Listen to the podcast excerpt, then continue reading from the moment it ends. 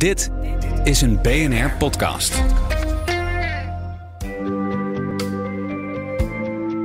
Wetenschap in het kort met Carlijn Meinders. Al twee jaar is het oorlog in Oekraïne. Hulporganisaties doen hun uiterste best om de miljoenen vluchtelingen te helpen. Maar daarmee kan niet worden voorkomen dat er nog elke dag mensen sterven. Maar het zijn niet alleen de mensen die hulp nodig hebben. Sommige reddingswerkers zijn juist die kant op gegaan om de dieren van Oekraïne te helpen. Annelien Kloze bijvoorbeeld, van het IFAW. We zijn daar zo ongeveer drie maanden geweest. Ik zelf ben ongeveer twee weken er geweest. En heb aan de grensovergang tussen Polen en Oekraïne gestaan. En ja, dat was schrijnend. Want het was natuurlijk het was koud, het was regenachtig. En mensen hadden dagenlang naar de grens gelopen of, of in de trein gezeten. Uh, een deel ook met hun huisdieren in hun, in hun jas of in een zakje uh, bij zich. Um, dus we hebben aan de grensovergang echt direct de noodhulp verleend. Samen met een team van dierenartsen ook.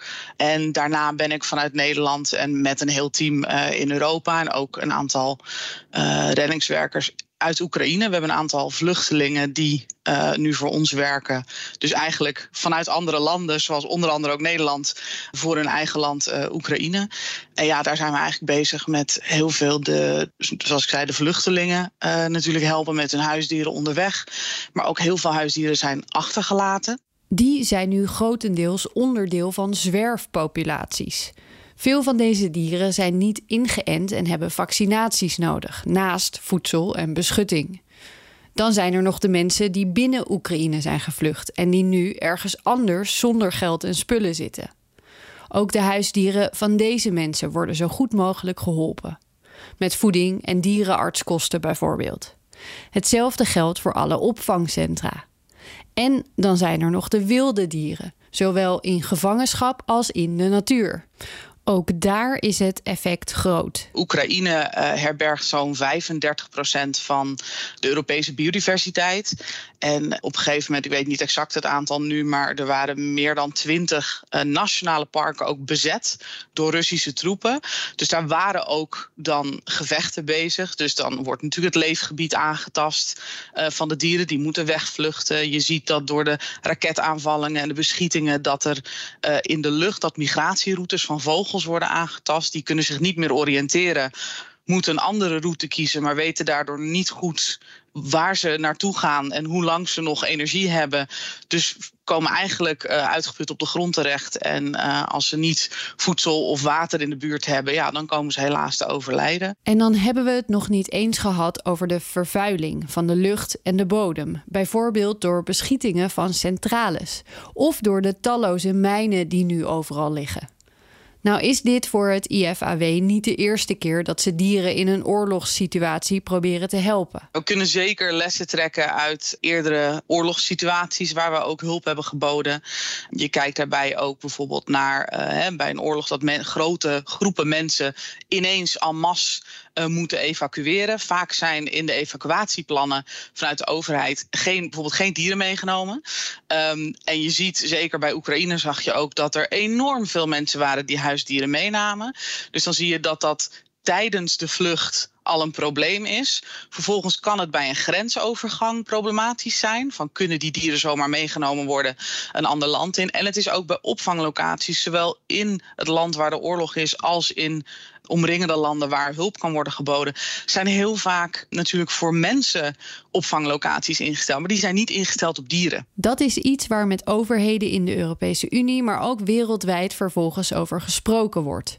Hoe kan een land zich hier beter op voorbereiden? Waar dat ook voor geldt is natuurrampen. Bosbranden, um, overstromingen, aardbevingen, uh, mede door klimaatverandering gebeuren die natuurlijk steeds vaker. En ze worden ook steeds uh, intenser. Ze duren langer. Dat zag je bijvoorbeeld bij de bosbranden in Griekenland uh, vorig jaar. Die bosbranden vinden in principe elk jaar plaats. Maar ze zijn heftiger en ze duren veel langer. Weken uh, langer. En daarin zie je ook bijvoorbeeld dat bepaalde diersoorten, zoals beschermde schildpadden was het in het geval van Griekenland, die dan ineens in een hele grote groep krijg je 400 schildpadden die ineens bij een reddingscentrum aankomen. Ja, zo'n reddingscentrum is daar ook niet op voorbereid. Daarom proberen ze, zeker in gebieden waarvan bekend is dat er vaker overstromingen en bosbranden plaatsvinden, te zorgen dat er al over na is gedacht. Hoe lang de oorlog nog zal duren in Oekraïne en hoe lang hun hulp daar nog nodig is, dat is niet te zeggen. En hoewel er nog altijd veel hartverscheurende verhalen uit het land komen, ook wat dieren betreft, is er gelukkig ook af en toe een positief bericht te delen. Zo hebben we onlangs twee wolven vanuit Oekraïne geëvacueerd. Uh, die hebben nu een veilig thuis in een opvangcentrum in Griekenland. Een paar weken geleden hebben we ook drie leeuwen geëvacueerd naar Frankrijk. En eind vorig jaar hebben we een Afrikaanse luipaard kunnen overbrengen naar het centrum van Stichting AAP in Spanje. Dus zeker ook hele mooie verhalen uh, waar wij zelf ook heel blij van worden. Wil je elke dag een wetenschapsnieuwtje? Abonneer je dan op Wetenschap vandaag. Luister Wetenschap vandaag terug in al je favoriete podcast-apps. Rendement tot wel 8%.